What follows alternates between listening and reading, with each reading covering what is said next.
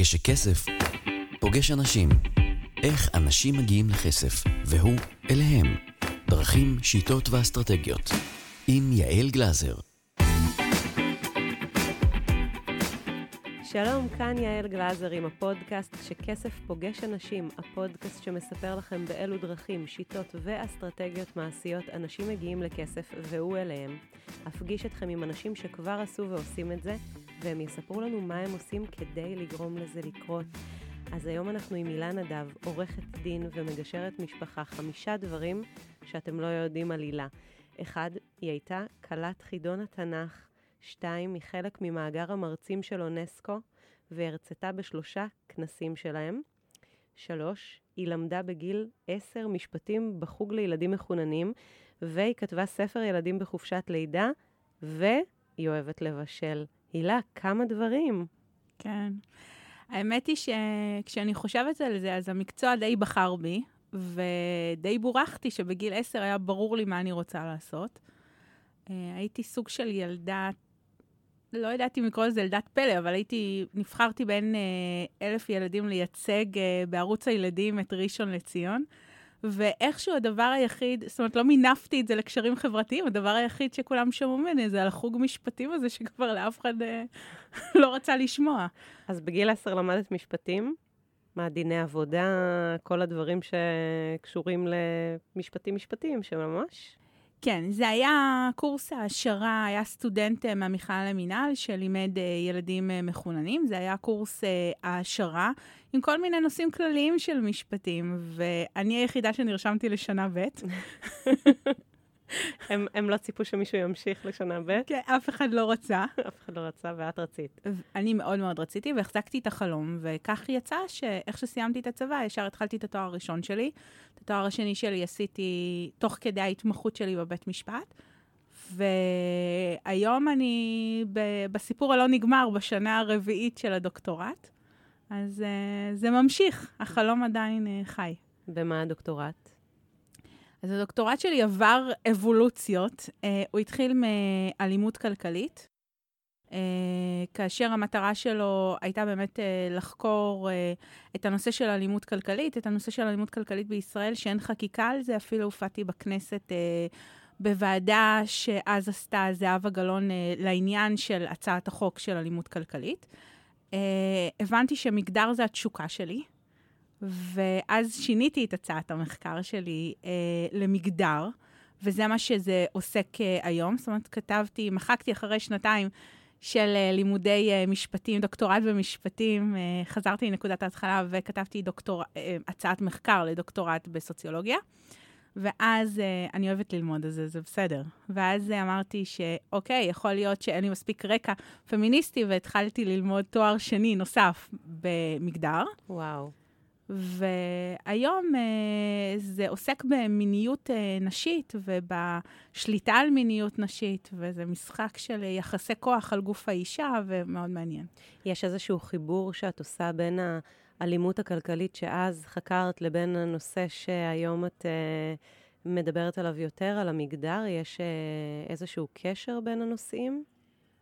אני חושבת שבאיזשהו שלב הכל יתכנס למה שאני עושה היום. ומה שאני עושה היום זה בעיקר הליכים אלטרנטיביים, אה, גירושין בהליכים אלטרנטיביים, כן מקבלים תוקף אה, של פסק דין, אבל כולנו מכירים את הגישור, אז תכף אני אגיד למה זה לא לחלוטין גישור, אבל אה, מקבלים תוקף של פסק דין.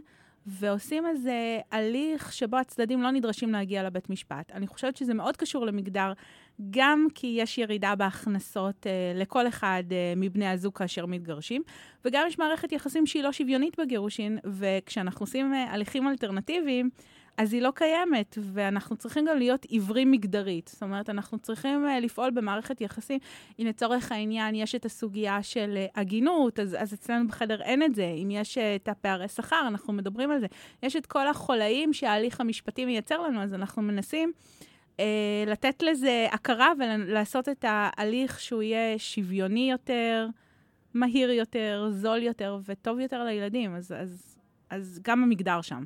את יודעת, אני זוכרת בגיל 21 שההורים שלי התגרשו, שזה היה ביג אישיו ללמוד לנהל מחדש את הבית, כשפתאום ההכנסה קטנה חצי או יותר לכל אחד מהצדדים. בעיקר אני זוכרת את אימא שלי באותה תקופה, שזה ממש היה לה קושי רציני לנהל מחדש את הבית עם הכנסה שהיא, אה, שהיא אחרת. ו... ואני חושבת שזה נושא שהוא אה, נושא מאוד משמעותי ב... בחיים של זוגות שמחליטים להתפרק, הנושא, הנושא הכלכלי, איפה האישה עומדת. אני גם זוכרת שדיברנו בהכנה, אה, ככה, לפודקאסט, באיזושהי שיחה שהייתה לנו על הנושא של אה, כלכלה ונשים, על, על הרבה מאוד מחקרים שמראים היום את המיקום הנשי ביחס לכלכלה במקום שהוא עדיין מאוד מאוד לא שוויוני. נכון. Uh, אני מאמינה בבחירה חופשית, ולצערי, אני נתקלת בהמון נשים שבוחרות שלא להתגרש בגלל הפן הכלכלי, בגלל החשש הכלכלי, בגלל... Uh, אני גם שמעתי על מישהי שהגיעה אליי למשרד, ממש היא פשוט התייצאה עם עורכת דין שאמרה לה, עזבי, אז למה? אז תחיו בבית אחד, ואת תחי את החיים שלך, והוא יחיה את החיים שלו, ואני לא מאמינה בזה.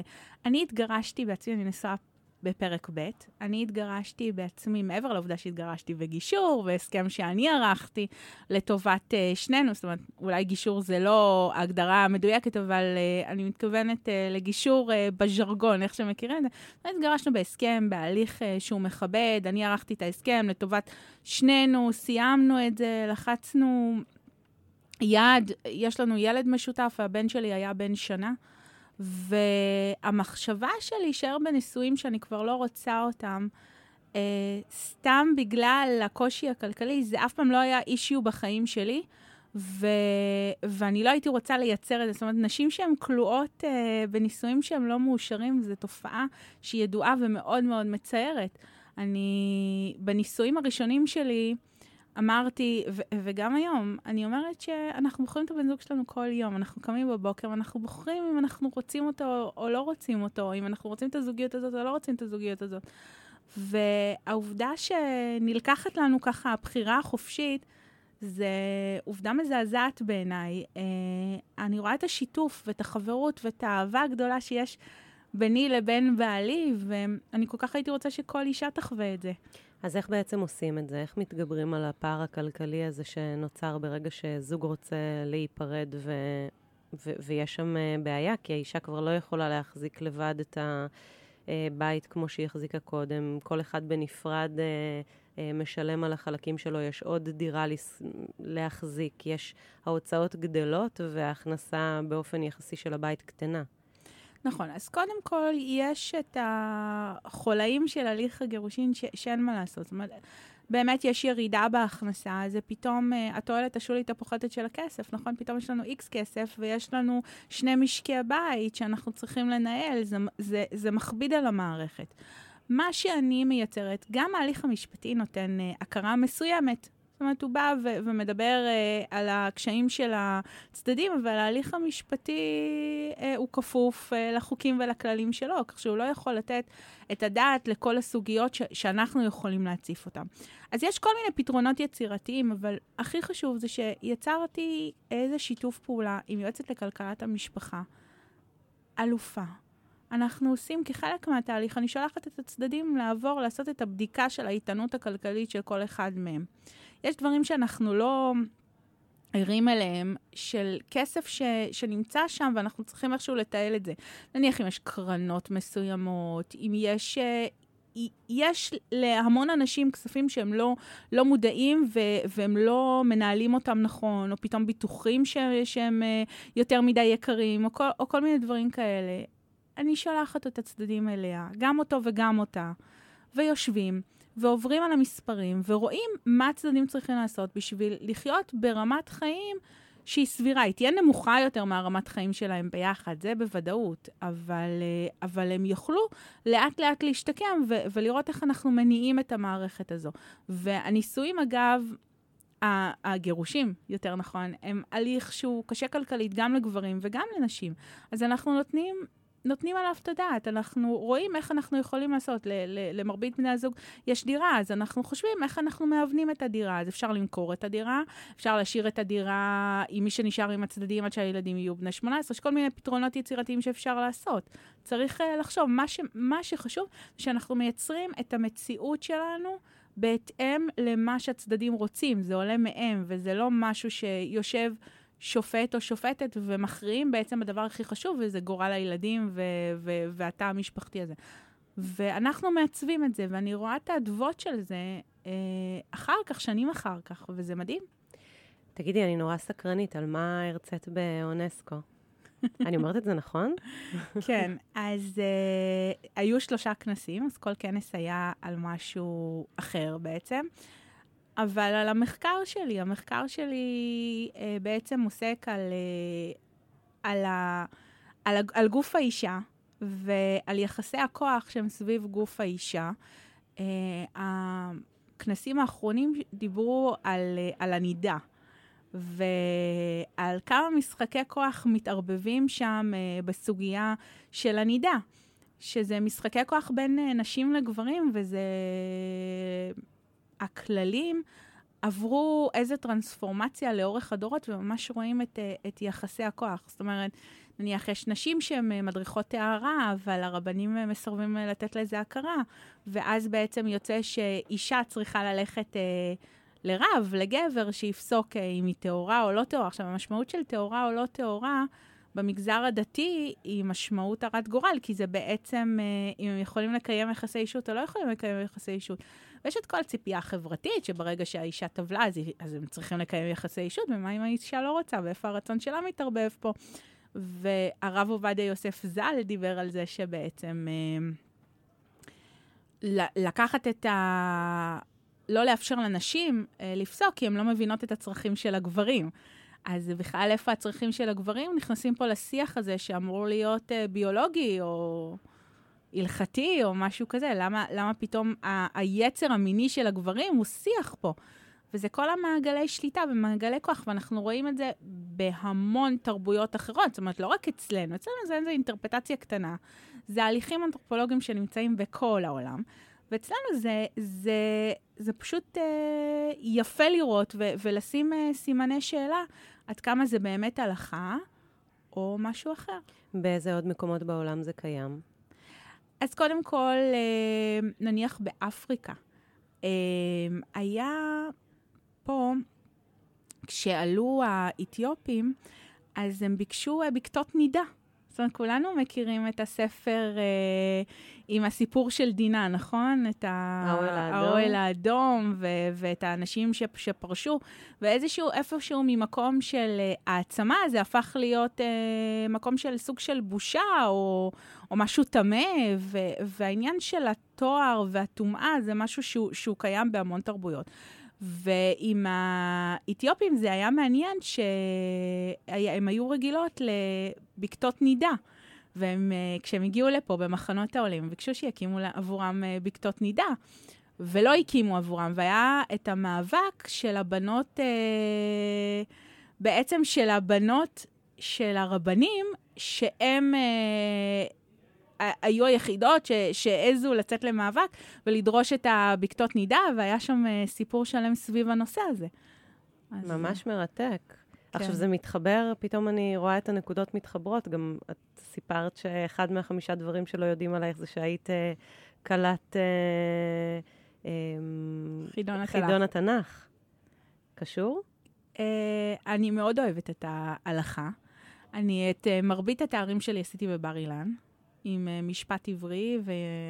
ואני מאוד אוהבת אה, לחקור את השורשים שלנו ולראות את השורשים שלנו, ועד כמה, עד כמה הם עברו התפתחות ואיך אה, בראייה ביקורתית של היום, של מחקרים ש... שאנחנו קיימים ואנחנו מכירים אותם בעולם, איך אנחנו יכולים להסתכל ככה בראייה, בקריאה מחודשת. אז זה מאוד מעניין אותי. באיזה גיל אגב זה היה? כיתה ז' או ח', אז מה זה, 12? 13? סיימת עד אז את השנה השנייה במשפטים והמשכת ל- לחידון התנ"ך. לא, זה היה בכיתה ד', המשפטי.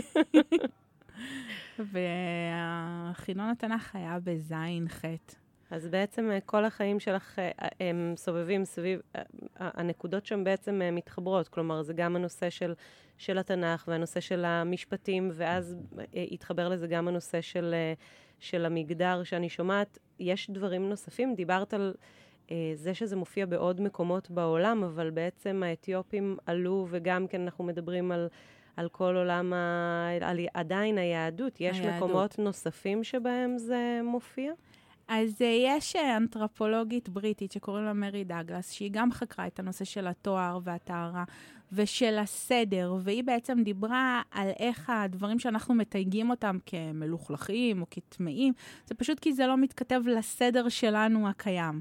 אז uh, זה, זה תהליכים שאם אנחנו מסתכלים, אנחנו רואים ניצנים בכל העולם. וזה מעניין לראות את זה, נניח במהפכות uh, באסלאם. אז הדבר הראשון, ש... הסממן הראשון זה שנשים נדרשו להתכסות, נכון? אז גם, שוב, גוף האישה הופך uh, לסממן לדברים פוליטיים, או לדברים אחרים שהם לא בהכרח רק ההלכה ש... שמחייבת. זאת אומרת, לצורך העניין, גם הזרע של הגבר הוא טמא. מתי שמענו את זה? אנחנו שומעים על, ה, על הנידה, אנחנו שומעים על הווסת, אנחנו, מתי שמענו על הזרע של הגבר? עכשיו, זה מאוד קריטי גם לנו כצרכנות בעולם המודרני. זאת אומרת, אה, יש מחקרים שמדברים על כל המוצרי היגיינה. נחסמים להם מלבינים, או כל מיני דברים כאלה שלפעמים מסוכנים. והם לא, לא בריאותיים, ואנחנו צורכים את זה ב, ב, בשם איזה קונספט. אנשים ש... צורכות את זה. אנשים צורכות את זה בשם איזה קונספט שאנחנו טמאות, נכון? איך הפרסומות מדברות? שלא ירגישו שאנחנו במחזור, שלא יראו שאנחנו נמצא... זאת אומרת, יש את, ה, את המקום הזה שזה איזה מקור לבושה. נוצרה כלכלה ממש סביב הנושא הזה. נכון. ו... וזה מעניין לראות את זה, וזה מעניין uh, לשים ככה סימני שאלה של הלמה. אז ברור לנו שיש אנשים שמרוויחים מזה וזה בסדר, אבל אנחנו צריכים לראות איך דווקא הרגשות uh, דחייה שלנו, הטומאה, או, או, או לא משנה מה שקנינו, למה, למה זה מנהל אותנו? למה אנחנו הופכות להיות צרכניות של זה? למה זה נמצא שם? אז, אז... ולמה זה נמצא שם, לדעתך? למה אנחנו הופכות להיות צרכניות של זה? אז אני חושבת שאיפשהו בתודעה הקולקטיבית, אנחנו באמת מאמינות שאנחנו, שזה, שזה טמא ושזה מלוכלך ושזה, ושזה מסריח. אני בקבוצות uh, בפייסבוק ואני שומעת uh, נשים ש, שכל מה שהן uh, מדברות זה איך, איך הן מסריחות, איך הן טמאות, איך הן... ו, ו, וזה מעניין. שיח חיצוני שחדר פנימה, או שזה שיח אה, שהוא פנימי של האישה שהוא בילטין? אני חושבת שזה שיח של כוח. כשברגע שאתה מוציא uh, קבוצה מסוימת, או שאתה אומר uh, היא טמאה, או, או משהו כזה, זה שיח של שליטה, נכון? כי מי מכתיב מתי הטמאה, או הטהורה, או כל הדברים הללו. יש אנשים שמרוויחים מזה, וזה פשוט שימור של יחסי הכוח. ואני חושבת ש, שהבעיה בנו זה שקנינו את זה. Mm. ו, ו, ואני בעד להשתחרר מזה. איך אפשר להשתחרר מזה? Uh, קודם כל להכיר בזה, אם אנחנו מדברים על הווסת, אז להכיר בזה שזה תהליך uh, ביולוגי, אני, אין את הרכיבים, תראה, ההלכה מדברת כן uh, בכל זאת על, uh, על התארות ש, ש, שצריכה להיות, אז אנחנו צריכים לתת את הדעת ל... אם אנחנו מקיימות ומאמינות, אז, אז גם בתהליך של ההתארות, וזה בסדר, אבל uh, הרכיב של הטומאה הוא בעיניי בעייתי. הרכיב של ה... אישה, ברגע שהיא במצב הזה, כשאני אז בחנתי כל מיני uh, מקרים של טהרה או של טומאה, אז נניח היה שאישה היא הרבה יותר uh, זמן נשארת טמאה אם היא יולדת בת, מאשר אם היא יולדת בן. ואז את אומרת, רגע, איך זה יכול להיות? לכאורה, אותו תהליך ביולוגי, נכון? אז איך זה יכול להיות? אם זה לא איזה תכתיבים חברתיים של אה, איזה צפי ל- ללדת בנים. מדהים. אז בעצם אה, יש כאן איזשהו שיח שקודם כל הולך המון המון המון זמן אחורה, מוצדק על ידי uh, תהליכי דת גם כאלה ואחרים. מייצר או משמר יחסי כוח מסוימים שבסופו של דבר אנחנו גדלות אליו uh, בתוך חברה שיוצרת כלכלה שאפילו, שמרוויחה מזה כסף. אז זה, זה תהליך שהוא מרתק בעיניי uh, uh, מהצד. את יודעת, אנחנו בפודקאסט uh, שנקרא כשכסף uh, פוגש uh, אנשים, וחשבתי באמת... Uh, שאחת מהסיבות שאני רוצה ש, שתבואי לפה ולשמוע אותך זה כשכסף פוגש נשים. ומעניין אותי לשמוע איפה עוד את רואה את החיבורים האלה במקום הזה, כי את גם עובדת uh, עם נשים, את פוגשת uh, קהילות, את מדברת על יחסי הכוח, וגם את פוגשת את הזוגות באותו הרגע הקריטי שבו הם uh, נפרדים. עכשיו, כל הדברים האלה סובבים בסופו של דבר סביב הכלכלה, סביב הכסף. איך את רואה את, את היחס הזה בין הכסף לנשים? אז קודם כל, המחקרים מראים לנו שנשים משתכרות פחות מגברים. זה לא נכון תמיד. אנחנו צריכים, uh, יש את המקרים שבהם uh, אישה מרוויחה יותר מגבר, ואנחנו צריכים לתת את הדעת. זאת אומרת, מגיעים, הזוגות שמגיעים אליי, אני כל הזמן אומרת, יש לי את אלת הצדק על השולחן, ואני אומרת, העיניים שלה הן מכוסות, ואני אומרת שצריכות להיות uh, גם uh, עיוורים מגדרית. והעוול הזה, שבעצם המערכת מייצרת, החולאים שהם מובנים בתהליך המשפטי, אה, אני ראיתי גברים אה, שסובלים, אני ראיתי נשים אה, שסבלו. אז אני פשוט מנסה לתת הכרה. אם יש פערים של שכר, אנחנו צריכים לדבר על זה, אי אפשר להתנתק מזה. צריכים לראות אה, מחקרים פמיניסטיים, למשל, מדברים על כך שיש אה, לנשים עבודה שקופה של בערך חודש וחצי בשנה, שזה כל העבודות בית שאנחנו עושות יותר ו- ולא מקבלות על זה שכר. אז יש... אה, יש כל מיני אסכולות פמיניסטיות, אבל יש אסכולות פמיניסטיות שבעצם דרשו אה, לבוא ולשפות את הנשים על, על הזמן הזה, כי בעצם לא יכולות להשתכר. אז אני לא קיצונית באופן הזה, אבל אני אומרת, אם יש uh, מישהו שהוא מטפל יותר בילדים, אנחנו צריכים לתת את הדעת על זה. Uh, יש עלויות, יש גם הזמן טיפול בעצם, יש לו משמעות. מה שאני עושה זה בעצם מדברת עם הזוגות ושומעת מהם מה הכאבים שלהם, מה החששות שלהם, ומנסה לייצר עבורם את ההסכם שהם יוכלו גם ללכת כשהם יודעים לאן הם ממשיכים לצעד הבא. וגם אה, לייצר איזו ודאות מסוימת שבעצם לא, לא יידרשו להגיע לבית משפט. כי הרבה פעמים סוגרים בהסכם. אגב, המחקרים מראים לנו ש-90% מתיקי הגירושין נסגרים בהסכם על הרצף, מתישהו. לא בהכרח בהתחלה. יכול להיות שהם אה, כבר אחרי כתבי טענות ואחרי הוכחות, ואחרי שכבר אין אמון ויש הסלמה של, אה, של כל המערך המשפחתי הזה. הרי אומרים ששלושה דורות מתגרשים, ההורים של הצדדים, הצדדים והילדים שלהם. וואו. אז uh, שיש כבר את כל ההסלמה של כל המערכת והיא בוערת, ואז הם מגיעים להסכם. ואז כבר נהרסו בעצם יחסי האמון, ומאוד מאוד קשה לחזור לנקודת ההתחלה, שבה הם רק החליטו שהם רוצים להיפרד. אז ההסכם יהיה בסופו של יום אותו הסכם, רק המערכת יחסים שלהם תהיה כבר אחרי שהיא עברה את התלאות. ומאוד יהיה קשה אה, להשיב את המצב אה, למשפחתיות. גם אם, לא, גם אם אלטרנטיבית, גם אם לא משפחתיות שגרתית, אבל למשפחתיות מסוימת. ותגידי, כשאת יושבת מול הזוגות, אה, את נדרשת בעצם, את אומרת, עלת הצדק, העיניים שלה מכוסות, וזה צריך להיות גם מכוסה. אה, מגדרית, או אה, איך, איך את מצליחה אה, באמת לראות את אה, שני הצדדים ו... לראות אותם uh, שוויוניים? אין לך איזושהי הטיה מסוימת לכיוון האישה, שהיא הרבה פעמים האנדרדוג בתהליך, או... Uh, לא, חד משמעית לא. איך את מייצרת את זה? איך את מייצרת את הראייה השוויונית הזו? כי הרבה פעמים כשאני קוראת, סתם אני, לפני כמה ימים נתקלתי בפוסט ש... בפייסבוק שהטריד אותי על מישהי שעוברת תהליכים מאוד מורכבים עם של גירושים, ושהבעלה לקח לה את ה... פשוט נכנס, לקח את הכלב, כשהילד היה בטיול, ועשה סט של אה, פעולות. ואני שואלת את עצמי, איך אפשר לשבת מול אה, אה, שניים כאלה, ובעצם להסתכל עליהם בצורה שוויונית? אני שואלת את זה כפרובוקציה כמובן, אני מבינה שהתהליכים הם תמיד עובדים לשני הצדדים, אבל איך אפשר להסתכל על זה בצורה שווה? אני מניחה ששניים כאלה לא יגיעו מראש להליך שהוא אלטרנטיבי לבית משפט, כי מערכת היחסים שלהם היא ברמה של עצימות של סכסוך כל כך גבוה, שהם, שהם לא ישכילו, ואו שישכילו בשלב, אה, לא בשלב שבו הם נמצאים כרגע, אה, לשבת מסביב לשולחן. עכשיו, לעניין הלהסתכל או לא להסתכל על המגדר, אף אחד הוא לא נער הפוסטר או נערת הפוסטר של המגדר שלה, וזה לא צריך להיות ככה. אני לא צריכה לראות אישה ולבוא ולהגיד, אוקיי, אז היא מייצגת עבורי את כל הנשים אה, באשר הן. זה, זה לא המצב. עוולות נעשות לשני הצדדים,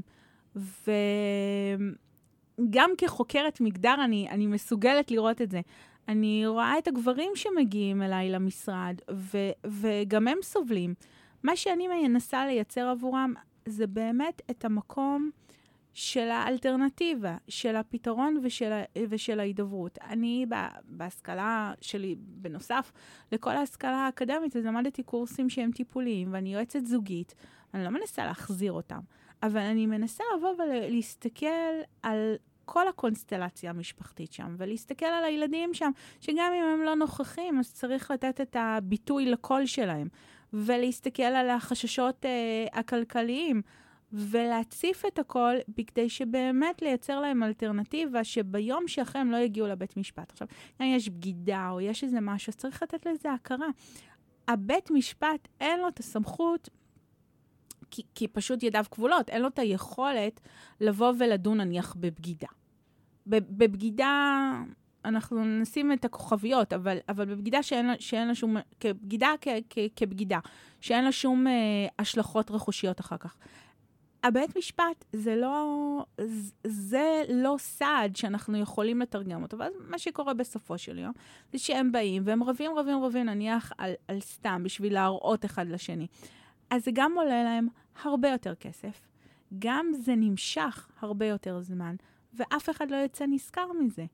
ו- ולמה בעצם? קחו את הכסף, תשקיעו בחזרה בילדים שלכם, ותייצרו עבורם. גם ככה הילדים עוברים טראומה. ומחקרים מראים שהעוצמה של הטראומה של הילדים נמדדת במשך הסכ- הסכסוך ובעצימות הסכסוך. ובהנחה, וזה קצר, וזה יחסית עובר רגוע, אז תוך שנה הם מתקנים את הטראומה. מדהים. וזה באמת מדהים, ואף אחד לא, לא עוצר uh, לחשוב על זה. צריך פש- פשוט לשים את הילדים האלה, שבעל כורחם נגררו כרגע לסיטואציה, הם לא בחרו בה, וצריך uh, לראות אותם ולתת להם מקום, וגם ככה יש את הבחירה הזו, שהיא בחירה קצת קשה עבור הילדים, והיא בחירה, כי אנחנו שמים את הראייה שהיא מוצדקת, כן? אמרתי, אני, אני עשיתי את זה בעצמי, התגרשתי עם ילד, uh, שהיה לי ילד בן שנה. אבל האמנתי ואני מאמינה עד היום שההורים צריכים להיות uh, מאושרים, וזה המודל שהם צריכים uh, לתרגם לילדים שלהם. אז בכל זאת, אבל דאגתי לאושר שלי. ו- ואני חושבת שאנחנו לא יכולים, סליחה על הביקורת, אבל אנחנו לא יכולים להיות אנוכיים בתהליך הזה. גם ככה אנחנו יש איזו הרגשה שעד התהליך uh, מגלים אחריות מסוימת, ומתחילת התהליך uh, נוצרת הרבה פעמים, uh, לפחות מהדברים שאני ראיתי בחוויה של, של ההורים שלי, וגם על אנשים מסביב שנפרדים, שנוצרת איזה שהם, נוצרים מאבקי הכוח, ילדותיות, יש שם התפרצות של הרבה מאוד אמוציות ש, שיוצרות את ה... את ה, את ה שגורמות לתהליך להיות... Uh, תהליך אה, הרבה יותר אה, ארוך, מתמשך. כלומר, אני זוכרת, אה, מקווה שאימא שלי ואבא שלי לא ישמעו, אבל זה היה תהליך נורא ילדותי, כאילו, את מי, את מי הילדים אוהבים יותר? כלומר, נכנסו שם סט של אמוציות שהשפיעו המון המון המון על התהליך, ואני זוכרת אותנו כמשפחה, ממש כל אחד, אה, כל מהילדים, חמישה, נדדו לכיוון אחר כדי רק להתרחק, ולקח את הזמן לאסוף את ה... אה, דברים, וההורים שלי ממש לפני חודש נסעו לחופשה עם uh, שלושה מהאחים שלי ביוון ביחד, והם בקשרים מאוד מאוד טובים. אבל אז זה היה לפרק חבילה של uh, הרבה מאוד שנים. ממה את הכי נהנית בתהליך? אמ, שאנחנו מאשרים את ההסכם, אני עכשיו חזרתי עם הבית משפט, ויש את ההבנה הזאת של כל אחד מהצדדים, שקודם כל עשינו את הדבר הנכון, וזה נתן להם ודאות והעלה את כל הסוגיות שהם רצו, אה, ככה נתנו לזה פתרון. ושברור להם שהם יוצאים ביחד לזה. זאת אומרת, הם נכנסו לזה ביחד, הם יוצאים לזה ביחד. יש את השיתופיות הזאת ואת ההבנה שאנחנו משפחה למרות הכל. הבן שלי, אני לא נותנת אה, לאבא שלו לבוא ולהיעצר בסף הדלת. ואני ראיתי על הפנים של הבן שלי כמה הוא שמח שאבא שלו נכנס אה, אלינו הביתה וראה את החדר שלו, וראה את הדברים, אה, ו- ופשוט קרן מאושר, ואבא בוא תראה, ואבא בוא תראה את המשחק הזה, ואבא בוא תראה את המשחק הזה. ואני יודעת שאני יכולה לייצר עבור הילד שלי את האושר העילאי הזה רק uh, בכך שאני מזמינה את אבא שלו להיכנס ולשתות כוס קפה. ו... וכשהבנתי את זה וראיתי את זה על הילד שלי, אז אני רוצה את זה עבור כל הילדים. אני רוצה את ההבנה הזאתי שאנחנו נישאר משפחה לא משנה מה. אני גם ההורים שלי גרושים, ואני זוכרת אותי כילדה, כמה שיוועתי לזה שאבא שלי יהיה נוכח ושהוא יהיה חלק, ו... וזה מה, שאני, מה שאני מנסה לייצר בחיים האישיים שלי. עכשיו, זה לא אידיאלי, כי יש אתגרים שם, אבל כשאתה מחויב לדרך, וכשברור לך שגם אם יהיו מהמורות, אז אנחנו יושבים מסביב לשולחן ואנחנו מחויבים לדרך, כי יש איזה משהו שהוא גדול משנינו, וזה הילד שלנו, אז, אז דברים קורים. וזה קורה עבור הלקוחות שלי במשרד, וזה קורה אצלי בבית, זה קורה עבור הבעל שלי אה, עם, עם הילדים שלו, כי גם הוא בפרק ב', וזה איזה מחויבות הזו של, אה, של אנחנו משפחה למרות הכל. אז אה, הילה, אני רוצה להגיד לך המון תודה שהסכמת לבוא, ובאמת אה, אני מאוד מאמינה ומעריכה את המסלול של מה שאת עושה בעצם מעבר להצלחות הפנומנליות שלך בקריירה, בעצם לראות את הזוגות ואת היכולת לייצר שם הבנה של הדרך, לייצר את השפה המשותפת ואת היכולת להגיע לפתרונות גם בתוך... שבר שהוא שבר uh, גדול. אז uh, המון המון תודה. תודה לך, תודה שהזמנת אותי.